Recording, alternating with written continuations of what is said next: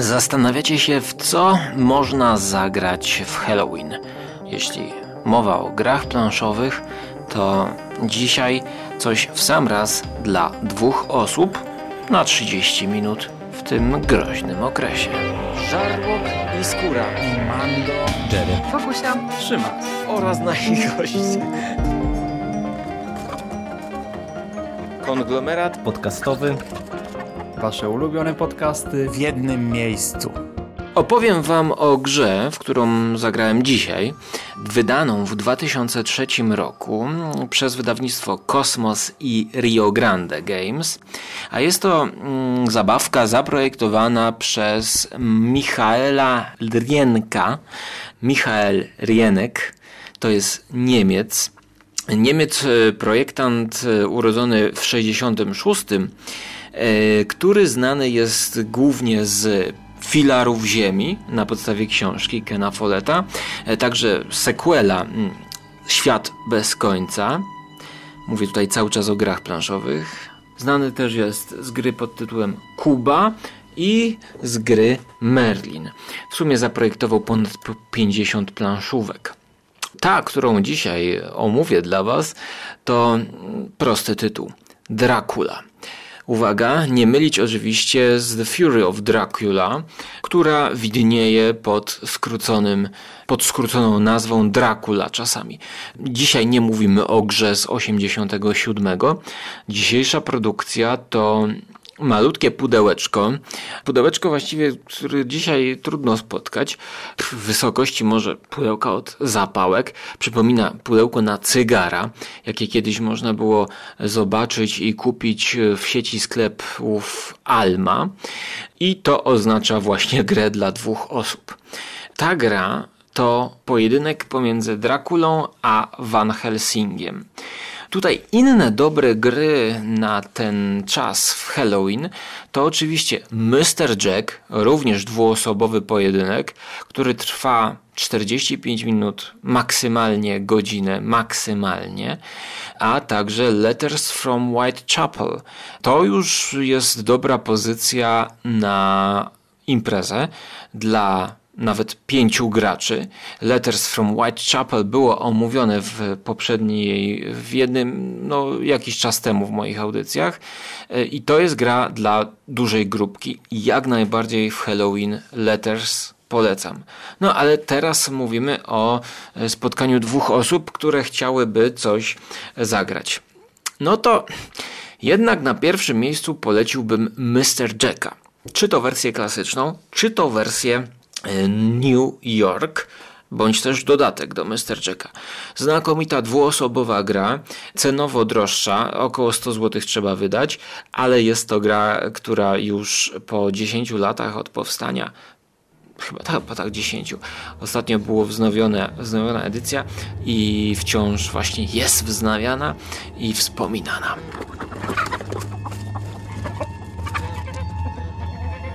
Dracula z 2003 chyba nie był wznowiony i w ogóle obawiam się, czy ktokolwiek z Was będzie go mógł kupić jako nówkę, chyba że używaną. No, jest to gra, która plasuje się na 3060 miejscu, kiedy to nagrywam.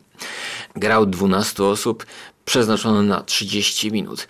Pierwsza nasza rozgrywka z moim kolegą planszówkowym przeciągła się, bo on czytał instrukcję, to jest gra, gdzie jedna osoba wybiera Van Helsinga, a druga Drakulę.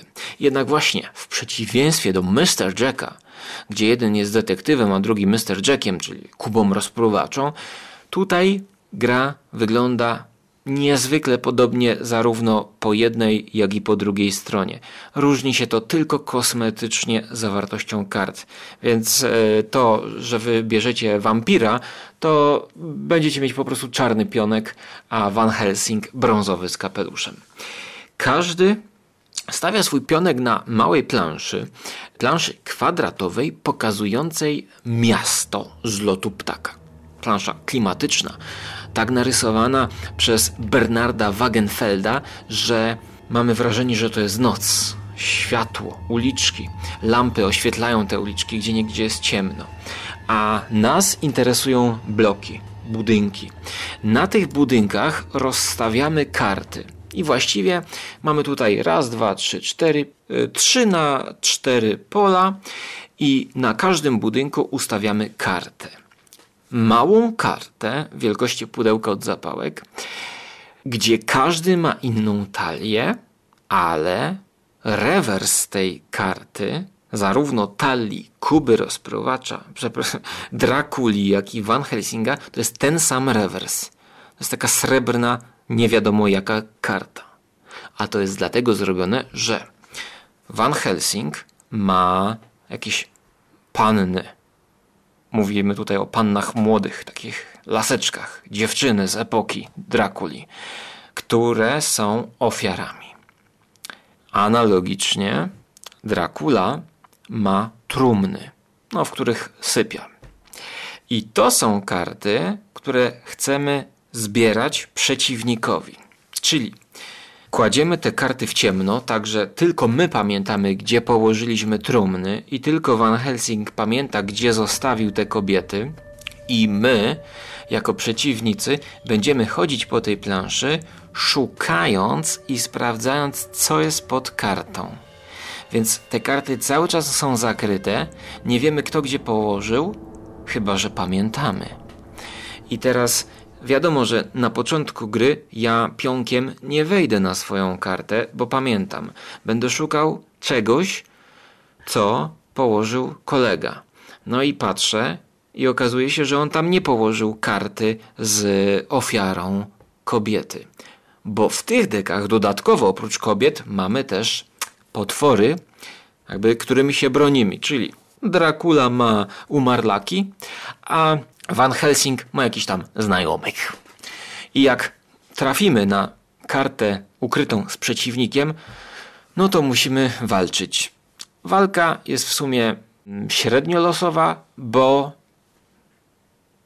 uwaga teraz, trzeba się skupić. Mamy kolejny deck kart który odróżnia się tym, że to są duże karty, dwa razy większe od tych małych karteczek, które wykładamy na planszę. I z tych kart wybieramy właśnie atak. Zróżnicowane są, więc no, ja nie miałem problemu. No, no, raz miałem, tam dostałem w tyłek, ale jeżeli rozważnie nimi gramy, no to mamy karty, którymi się bronimy i atakujemy Możemy też zremisować, jeżeli nam brakuje. E, więc nie chcemy trafić na tych przeciwników. Nie chcemy trafić. Chcemy trafić na trumny, jeżeli gramy Van Helsingiem, bo polujemy na Drakule, albo chcemy trafić na jakieś paninki, żeby je pożreć, urządlić. Tak jak na okładce e, gry planszowej Dracula są właśnie na czarnym tle zęby. Okładka przypominająca film, do którego zrobił muzykę Killer, czyli chyba Dracula Coppoli. Tak mi się wydaje, że to jest taki jakiś plakat był. Ale no, nieważne. Jesteśmy teraz przy planszówkach, a nie przy filmie, który jak najbardziej w Halloween polecam, bo uwielbiam tą ekranizację Coppoli. Ona nawiązuje do tych filmów z lat 50., używa praktycznych efektów w tle dioramy, czyli takiej scenografii, która jest jakby namalowana. I teraz szukamy tych kart. Chodzimy za pomocą również tej drugiej talii kart. To jest dobre, że nie rzucamy kostką. Chcemy zrobić ruch o 1, o 2, no to po prostu zagrywamy kartę z wyższą cyfrą. I teraz gdzie jest gra? Otóż my mamy tą talię kart, którą wykładamy na planszę, dużo, dużo, już nie pamiętam ile tam jest, z 15, może ze 20. I teraz o co chodzi? To jest gra, troszkę zapamiętywania, a trochę blefowania. Ponieważ podczas rozgrywki możemy wchodzić na swoje i przeciwnika karty, no bo one cały czas są zakryte rewersem. Więc my możemy raz, że zapomnieć, a intencjonalnie wejść. I kiedy wejdziemy na swoją kartę, to zawsze ją bierzemy na rękę, sprawdzamy. Jeżeli jest z naszej talii, czyli jest to albo trumna, albo nasz, nasz wampir jakiś e, z którym Van Helsing musiałby walczyć, to my go odkładamy z powrotem, ale my go odkładamy w ciemno. I w tym czasie możemy go zgodnie z zasadami wymienić na inną kartę. Więc nawet jeżeli przeciwnik był na danym polu, na jakimś budynku, to ponownie musi pamiętać, że mogliśmy tam podmienić kartę. No i właściwie cała rozgrywka to jest chodzenie po planszy, sprawdzanie, czy tutaj byłem jeszcze, czy pamiętam, że on mi podłożył. No i tak chodzenie między tymi uliczkami z bloku na blok. Dodatkowo mamy cztery zapory. Również przypomina to trochę Mr. Jacka późniejszego. No, ale jak na grę z 2003 roku, to trzeba powiedzieć, że to jest produkcja e, naprawdę współcześnie można to grać i to nie boli. To jest gra, która przede wszystkim działa. Nie zacina się, losowość jest, jest mała. To jest gra, która e, może trochę sprawić takiego fanu, ale właśnie w stylu blefowania. Moim głównym zarzutem było to, że klimat fajny, ale czy do końca dopasowany do tej gry blefu? Gdybyśmy to zamienili na czasy ala Capone i profana... Y, nie profanacji, a może to byłaby dla niektórych profanacja Drakuli, ale chodzi mi o czasy prohibicji, to również by się to sprawdzało i chyba lepiej by takie kryminalne tło pasowało do tej gry blefu i poszukiwania e, bandyty. E, bo tutaj, no właściwie, gdzie jest blef? Bardziej ucieczka. I ten temat lepiej się sprawdza w Mr. Jacku. Więc mimo wszystko ja to polecam do tak zwanego zagrać u kolegi. Z tym, że no musicie znaleźć kolegę, który coś takiego ma. Nie chciałbym mieć tej gry e, na stałe, bo raczej bym do niej nie wrócił. Wolałbym przez weekend zagrać to cztery razy, z tym samym partnerem do gry, przejść tą grę, no może maksymalnie 5 rozgrywek, żebym już ją przeżarł, przejadł, zapomnieć. Mm, graficznie rysunki na kartach są w porządku, dosyć takie bardziej kreskówkowe, jakby właśnie odróżniają się trochę od samej planszy. A plansza jest najlepszym graficznym elementem tego, bo jest i w przestrzeni w trójwymiarze namalowana i światłocień jest intrygujący, a karty bardziej takie, no powiedzmy, infantylne. Jednakże jako całości wystawiam ocenę 6 na 10. Może ta gra sprawdziłaby się nawet na imprezie. No a jeszcze na koniec powiem, kiedy gra się kończy. A jest to prosty motyw, gdyż każdy ma po prostu cztery życia, symbolizowane przez cztery kostki, jakie stoją przed tobą. Utrata życia, no to właśnie jest wtedy, kiedy przeciwnik trafi na twoją kartę, na twoją kartę strumną. Wtedy ucieka wampir, dostaje w łeb jedną kulkę, odejmujemy mu życie. Bądź jeżeli gracz Dracula wejdzie na pannę i yy, ugryzie taką dziewczynę, która nieopatrznie została wystawiona na środek stołu. No bo przecież możemy te panny trzymać cały czas na ręce. I tutaj jest dopiero zabawa też, że my wiemy, że na ręce w kartach cały czas drugi gracz może mieć te karty, przez które straci życie. I wtedy sprawdzamy go, robimy taką, takie przeszukanie, yy, jak można powiedzieć, takie starcie. Patrzymy, co ma na karcie, i wtedy dedukcja następuje. Aha, no to skoro na ręce ma trzy karty ofiar, no to jeszcze dwa muszą być gdzieś na stole. Tak, bo żyć mamy cztery, ale kart tych ofiar, za które można zdobyć punkty, jest pięć. Pominąłem tutaj pewne niuanse, które są dodatkowo na kartach, bo każda karta ma swój specjalny strzał, specjalną funkcję, e, przemieszczanie tych barier, hamuje, e, a także pomijam jeszcze pojedyncze karty, które coś tam mieszają. Jednak mimo wszystko, jeżeli macie okazję zagrać w dużej grupie, to jeszcze są gry na Halloween typu. Teraz przechodzimy do drugiej części audycji, w której powiem o, o planszówkach, których tematyka, klimat, szata graficzna, rozwiązania fabularne pochodzą z gatunku horroru. Piątek 13 The Game o, nawet nie wiedziałem, że jest jeszcze inna gra piątek 13. Ale to nie o tym chciałem wam powiedzieć. O kurczę, kiedy to nagrywam, to w 2020 jest zapowiedziana gra. Horror and the Camp Crystal Lake. Jest to kolejna gra, o proszę. Ale przede wszystkim This game called Last Friday plays two to six players and 45 minutes per chapter or something is what it's saying. Właśnie. Last Friday. No, trochę mi to pomieszało, bo The Last Friday to jest nieoficjalna gra nawiązująca do piątku 13, wydana w 2016 i jest to właśnie wariacja na temat wcześniejszej gry pod tytułem Letters from Whitechapel, którą wam już polecałem, gdzie jest Ku- Kuba Rozpruwacz. Ja tu widzę, że nawet pionki są podobne. Więc ja nie grałem w, w, w ostatni piątek, w ostatni piątek właśnie.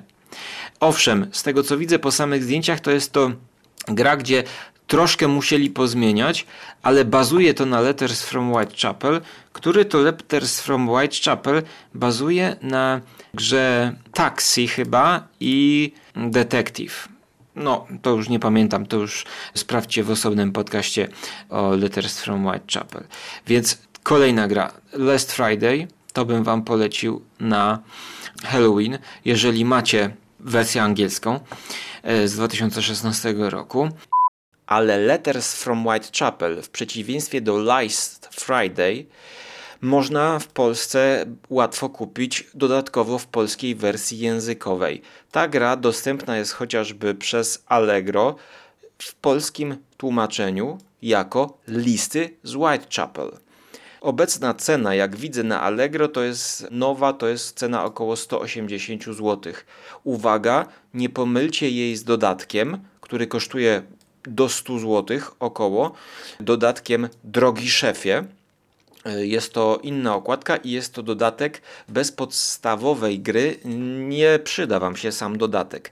W dodatek nie grałem, więc polski rynek obecnie tak wygląda, że The Last Friday e, no ciężko kupić, raczej musicie ściągać z zagranicy bądź szukać po geekowskich e, miejscach. I kolejna gra, którą pasuje, to jest właśnie podobna znowu gra do Letters from Whitechapel, bo zrobiona przez tych samych twórców po ogromnym sukcesie Letters z 2017. To jest sequel list z Whitechapel. Whitechapel to jest ta dzielnica, gdzie grasował Kuba Rozpruwacz.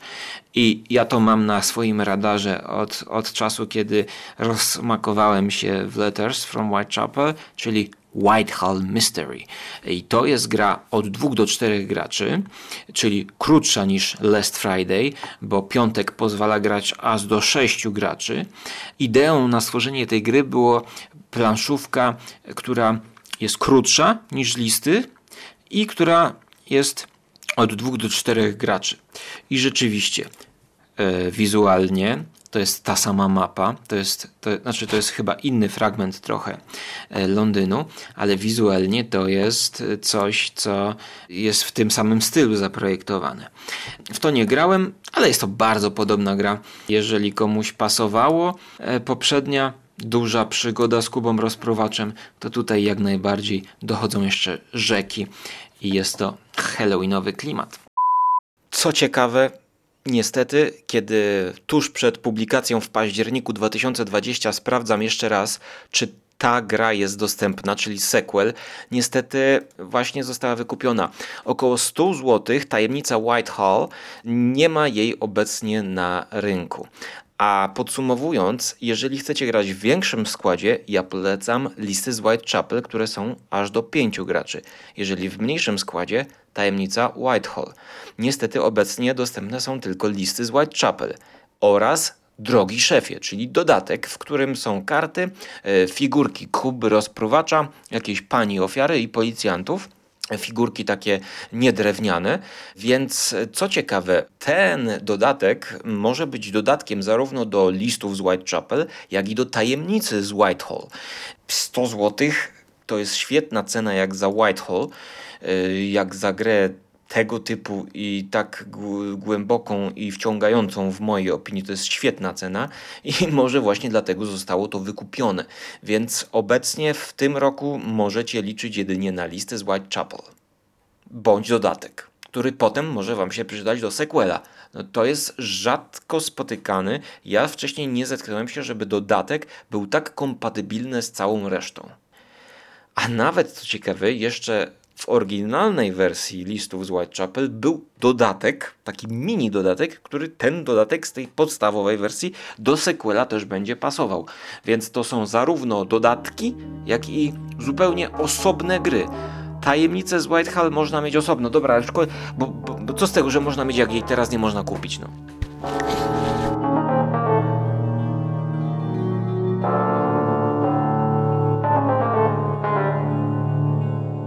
I ostatnim moim takim poleceniem to jest gra, która została pierwotnie stworzona z myślą o niewidomych, której tytułem i nazwą jest jedna z odmian fobii.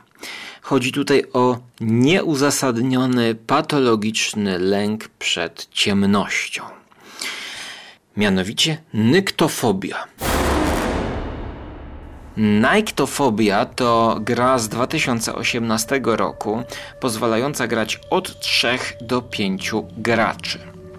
Ja nie grałem, dlatego że spóźniłem się do klubu i piątka graczy była zajętych i tylko przyglądałem się. Ale to było też doświadczenie pozwalające mi zobaczyć mniej więcej jak to wygląda właśnie pozwalało mi zobaczyć.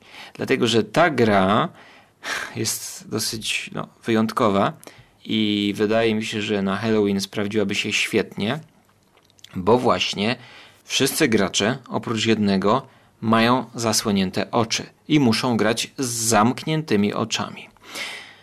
Do gry dołożone są czarne okulary, które nie prześwitują. Jakbyście pomyśleli, to nie jest gra która jest grą wyobraźni albo nie ma planszy. Bo właśnie co ciekawe, to tutaj jest plansza. Oczywiście tam szachy też robią dla niewidomych takie, żeby na wyczucie było czuć, co to jest zapionek i, i z odpowiednimi dziurkami, żeby to nie przewracało się. I tutaj też plansza ma dziurki i pionki i właściwie elementy planszy też są tak wkładane i wpykane, tak wrzucane, żeby to się nie przewróciło. To byłoby zbyt proste i banalne. Zrobić same podstawki, żeby niewidomym się to nie przewracało. Otóż geneza powstania tej gry jest taka, że twórca w swojej rodzinie miał właśnie osobę niewidomą, bodajże chyba jakąś kuzynkę. I on chciał stworzyć grę, która będzie sama zmuszała ludzi, ludzi widomych do bycia niewidomym a z drugiej strony, żeby ta jej kuzynka mogła w to zagrać. Jako niewidoma, żeby jako niewidoma ona mogła się wczuć w rolę normalnego gracza. I rzeczywiście, zaraz opowiem, na tym to polega i to się udało tutaj zrobić. To jest coś, i od razu Wam mówię, że w Polsce można to jedynie kupić poprzez eBay. Jeżeli macie jakąś osobę niewidomą, którą chcielibyście obdarować tym, to na eBayu spokojnie można to kupić, uwaga, w wersji angielskiej. Nie pomylcie też tego z dodatkiem Vampire Encounter. Po prostu nyktofobia pisane przez C i PH. Spokojnie przez eBay z zagranicy możecie to kupić. Bo gra polega mniej więcej na tym i fabuła jest jej taka, że my jesteśmy w lesie i chcemy uciec. Jak dobrze pamiętam, jakiś rok temu to nie grałem, tylko obserwowałem My musimy z tego lasu uciec, a w tym lesie, grasuje morderca.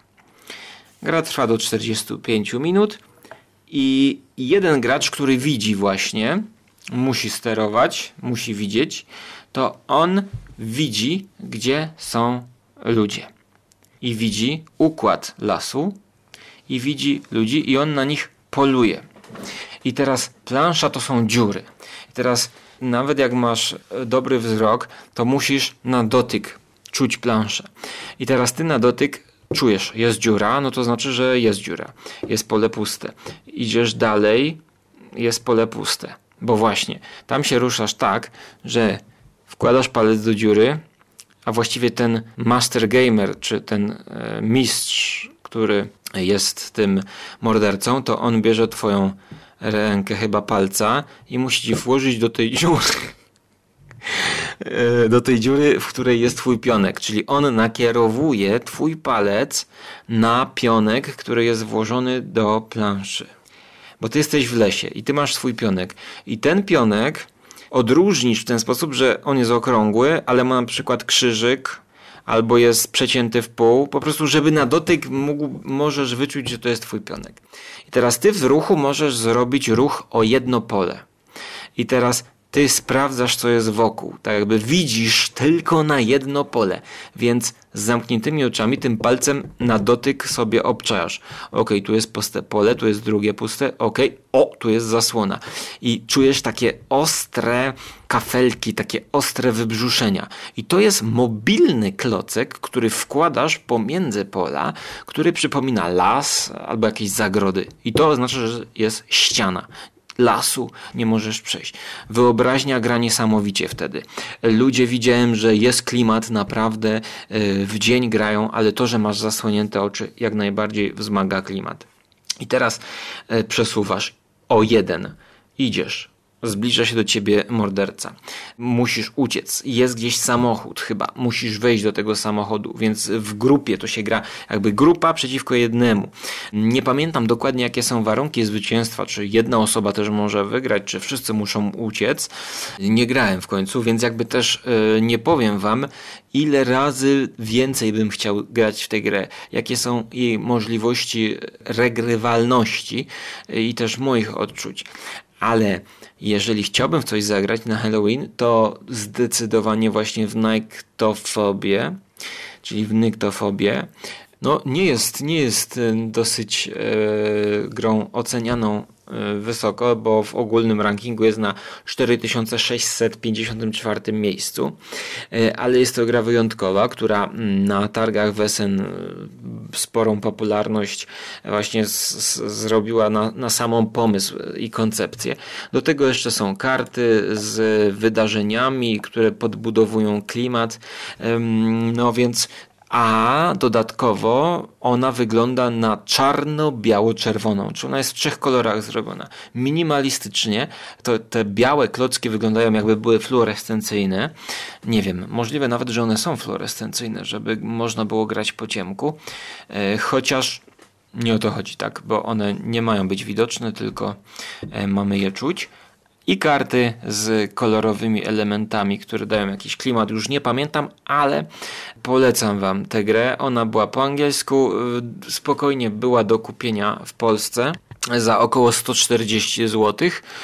Jak nagrywam to, a nagrywam to 1 sierpnia o drugiej w nocy, bo taki zrobiłem wam myk e, tej audycji, która została nagrana w 2020, ale sporo przed Halloween, to na sklepie rebel.pl jest to już gra niedostępna. Jednakże ja polecam e, shopa i shop.pl brak wyników. Więc w sumie poleciłem wam gry trudno dostępne poza Letters from Whitechapel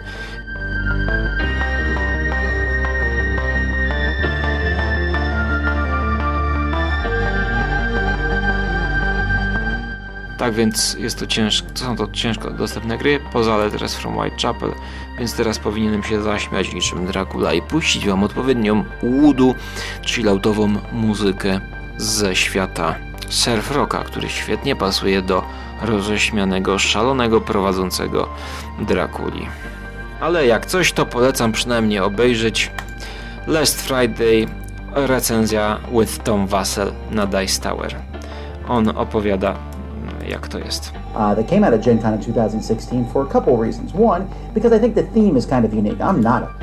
Tak, obejrzycie sobie Last Friday recenzję i recenzję Nyktofobii, a także potem jeszcze będzie The Thing, e, Outpost 31 gra, wydana dwa lata temu, ale ja już e, nie miałem żadnej styczności, więc nie mogę polecić e, gry nawiązującej do Johna Carpentera rzeczy.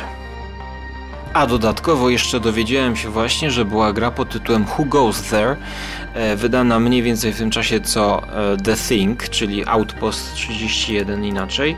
Też polecam Wam obejrzeć e, recenzję Toma Wasela Who Goes There, a następnie film, który również na kanale Dice Tower porównuje obie gry, pokazując nawiązania do filmów i opowiadań pod tytułem The Thing vs Who Goes There with Chris Diaz. Tego nie prowadzi już Tom Wassel. Ale jeżeli nie macie z kim zagrać, e, a chcielibyście jakby planszówkowo trochę spędzić e, Halloween, to to są e, ciekawe recenzje, filmy pokazujące elementy tej gry i według mnie klimatycznie i rzetelnie nagrane. Obawiam się, że ja właśnie skończę w Halloween tak, że będę to oglądał. zamiast, zamiast grał w to. Dlatego to nagrywam 1 sierpnia. Żeby wiedzieć, co se puścić, żeby zrobić klimat planszówkowy w Halloween.